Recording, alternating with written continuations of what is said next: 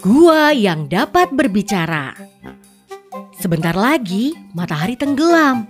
Tetapi karena si singa raja hutan belum menemukan makanan sejak pagi. Karena yang kelaparan mencari tempat untuk beristirahat. Kemudian ia menemukan sebuah gua. Malam akan tiba. Hujan pun akan turun. Pasti hewan yang tinggal di gua ini akan pulang. Aku akan menangkapnya sebagai santapanku. Ujar Karana. Gua itu rumah keluarga antelop India. Lihat, ada jejak kaki singa masuk ke dalam gua. Seru antelop betina.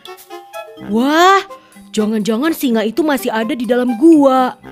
Kalau kita masuk, dia akan memakan kita. Biar aku memeriksanya dulu ya. Ujar antelop jantan.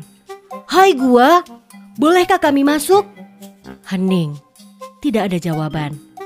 Gua, kau berjanji akan menjawab setiap panggilanku. Itu tandanya kau mengizinkan kami sekeluarga untuk masuk. Tapi jika kau diam saja, kami akan cari gua yang lain.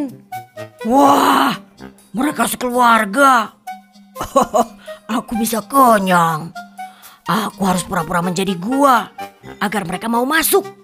Pikir Karana. Masuklah. Kalian aman di dalam sini. Aku gua.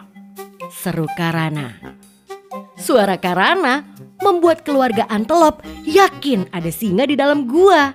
Gua kan gak bisa ngomong. Mereka pun segera menyelamatkan diri.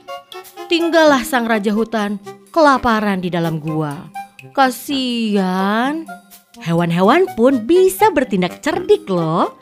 Apalagi saat mereka merasa terdesak.